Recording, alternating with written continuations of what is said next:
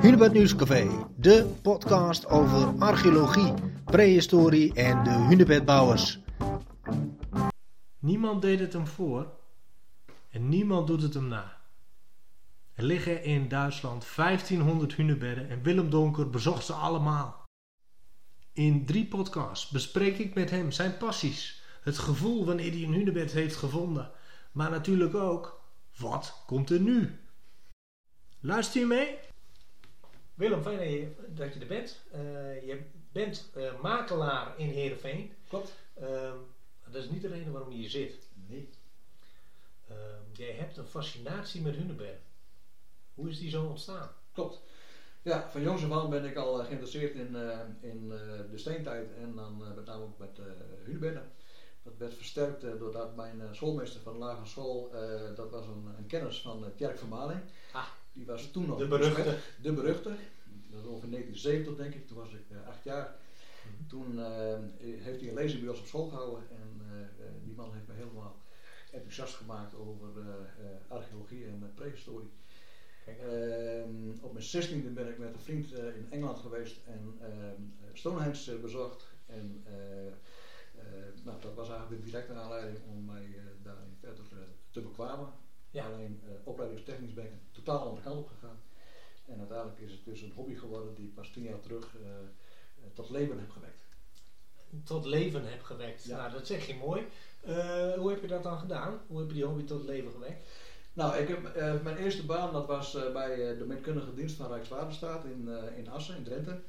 En, en bij die gelegenheid eh, ehm, eh, was ik eigenlijk dagelijks eh, op pad, letterlijk in het veld. En toen kwam ik ook een paar hunebedden tegen. En eh, dat, ik heb altijd gedacht van nou, op een moment dan eh, wil ik dat eens een keer eh, inventariseren.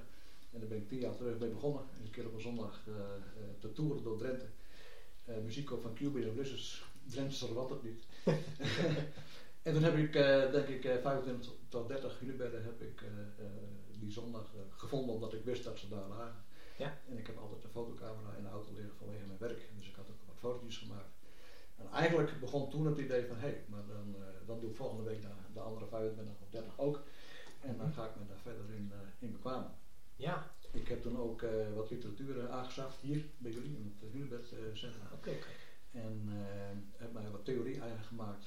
Mhm. Contacten gezocht met, met archeologen. Mhm. En nou, zo, op die manier heb ik dan de, de Nederlandse hunebedden eh, in kaart gebracht. Voor zover dat nog niet door anderen was gedaan. Maar in ieder geval dat was mijn eigen inventarisatie. En eh, inventarisatie, eh, wat bedoel je daar precies mee? Wat, wat heb je dan per hunebed eh, eh, genoteerd of, of bewaard? Nou, eh, een stuk of tien foto's van ieder hunebed van alle hoeken. Mhm. Eh, zodat ik altijd weer een, een, een beeld heb om op terug eh, te kijken. Ehm, ik maak aantekeningen welke stenen bewaard zijn gebleven, dan wel welke stenen zijn eh, eh, verwijderd of eh, weggehaald. Mhm. Eh, probeer te determineren welk type hunebed het is. Dat valt in Nederland nog wel mee, moet ik zeggen. Ehm, bovendien was daar ook al wel literatuur van. Ja. En eh, daar heb ik dankbaar gebruik van gemaakt. Oké. Ehm, Weet je ze ook op? ik weet ze ook op. Ja. Ja. ik ben van origine landmeetkundige, dus dan Kon je natuurlijk niet achterwege laten. kon je niet achterwege laten. Nee, Nee, nee. Dus eh, inderdaad lengtebreedte van, eh, van de kamer en van eh, de steenkrans. dus eigenlijk ja, alles wat ik in het terrein kan doen, dat, eh, dat doe ik ter plekke. Mooi. Eh, nou, Nederland eh, heb je dan vrij snel gehad, eh, 53. Of, eh, ik Ja. aan dat je diegene in het museum niet hebt opgemeten. eh, Nee. Nee. Ehm, dus de landgrenzen over, Duitsland. Ja. Dat was het eerstvolgende. En eh, nou weet niet iedereen dat, maar hoeveel hunebedden liggen er er liggen in Duitsland op dit moment nog 1305 hunebedden, of dan wel restanten van hunebedden. Oké. En Ja. mijn definitie van een restant van een hunebed is dat er nog minimaal één steen in situ moet zijn. Mhm. Eh, en, eh, nou, en dan nog andere stenen. Maar in ieder geval, er moet min- minstens één steen nog eh, op de oorspronkelijke lo- locatie zitten. En dan praten we over 1305 hunebedden. Mhm. Er zijn bij de 450 tot 500 locaties bekend in Duitsland waar vroeger een hunebed heeft gestaan. Maar waar eigenlijk zo goed als niks meer te zien is. Mhm. En dan is er ook nog een globale opsomming van ongeveer 1800 hunebedden die eh, naar het schijnt er ooit geweest zijn, maar waarvan niemand weet of het zo is en al helemaal niet meer waar ze gelegen hebben. Dus daar is ook sowieso helemaal niks meer van bekend. Ehm, eh, jouw hobby in Nederland een beetje uitgevoerd. Dan ga je de grens over. En dan maak je een, een beginnetje aan een gigantisch project. Ja, de aanleiding was dat iemand mij eh, tien jaar terug uh, vertelde dat er in, uh, in Duitsland, net over de grens bij Emmen, nog een paar hunebedden zouden liggen. En een paar, ik denk van nou 10 of 15, die kunnen er nog wel bij. Bij jouw entree in Duitsland wist jij nog niet hoeveel? Nee, nee, nee. Ik, sterker nog, ik wist niet eens waar die paar lagen. Mm -hmm. Kom ik weer hier bij jullie op het hunebedcentrum uit, want ik, ben, ik heb me hier vervoegd, of, of jullie voorgangers denk ik mij ja. konden helpen. Ja, oké. Uh, met een kaart, die was er niet. Er was een, eh, een fietskaart, was dat, van uh, de, de Hondsrug en het aanpalende Emsland. En daar stonden met een paar icoontjes her en der inderdaad een paar hunebedden op. Ja. Die kaart heb ik, die heb ik meegenomen en aan de hand van die kaart heb ik inderdaad een stuk of 15 hunebedden kunnen lokaliseren. En toen dacht ik inderdaad dat het klaar was.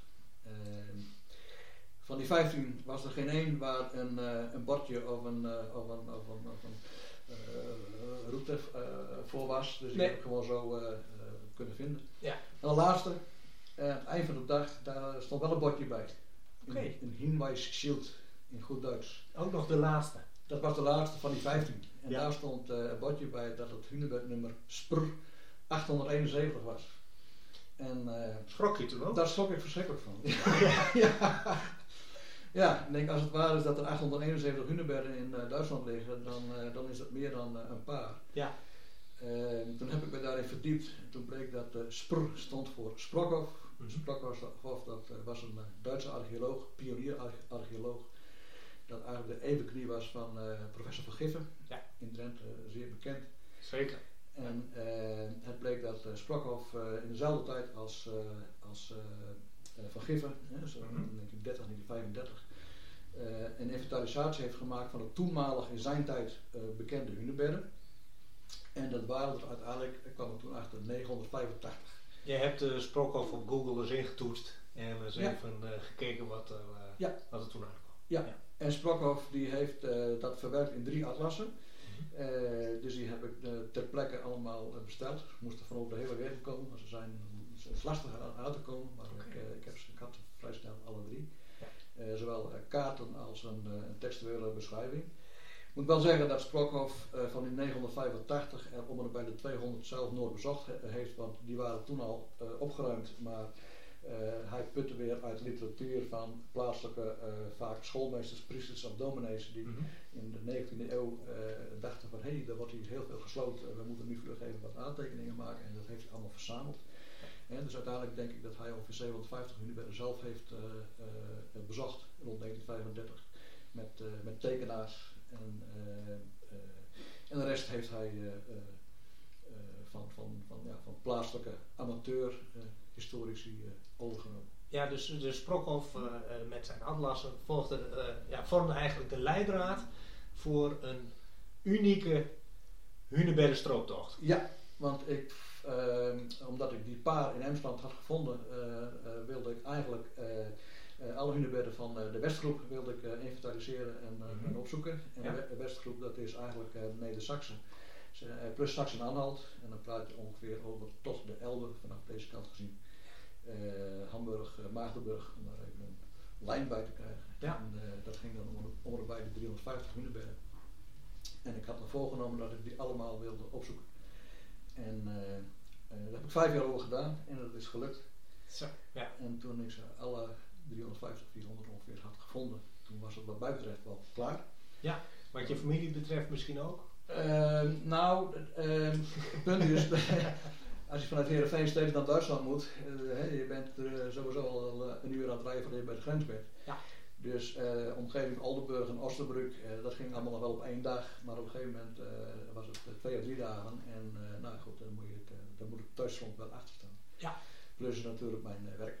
Ja. En dus uiteindelijk toen ik klaar was, toen heb ik tegen mezelf gezegd van, dan is het nu ook klaar. Westgroep is een mooie afgeronde groep.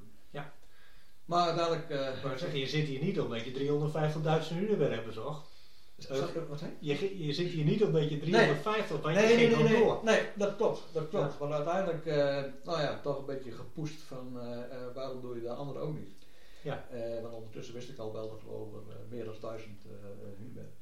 En uh, toen, uh, ik zei het is goed, maar ik zei dat is de consequentie dat ik dan jaarlijks in april vijf tot tien dagen verhuisd ben. Want ja. je, bent, je kan ook niet in één dag op en neer doen. Maar dan ging je inderdaad naar Streeswijk, Holstein en Mecklenburg voor Pommeren, Brandenburg. Ja. Nou ja, goed, dat, zo, zo, is het gelopen. Dus ik ben doorgegaan met Sleeswijk Holstein, uh, ook onder bij de 350. Dat heb ik in drie jaar kunnen afronden. En ik ben drie jaar terug, denk ik vier jaar terug, ben ik naar Brandenburg en Mecklenburg voor Pommeren gegaan. En dat waren er onder bij de 450 losse En dat heb ik drie weken terug kunnen afronden. Yes. Dus ik heb ze allemaal, alle hunebedden die in de literatuur beschreven zijn, allemaal bezocht. Je bent de eerste, uh, het eerste levende wezen, zover wij weten, die uh, alle Duitse hunebedden dus heeft bezocht. Ja. Zelfs Prokhoff, memoreerde je zelf al, ja. heeft dat eigenlijk niet, niet gedaan. Wat een bijzondere prestatie. we komen vast en zeker in de volgende podcast te spreken over hoe je dat dan allemaal hebt gedaan. Ehm, voor nu, dankjewel. Heel graag gedaan. Dit was alweer een podcast van het Hunebed Nieuwscafé. Meer weten? Kijk dan op hunebednieuwscafé.nl voor meer podcast en meer achtergrondartikelen. Heb je een vraag? Mail dan naar gkloekmaker.hunebedcentrum.nl Blijf op de hoogte en luister mee in het Hunebed Nieuwscafé.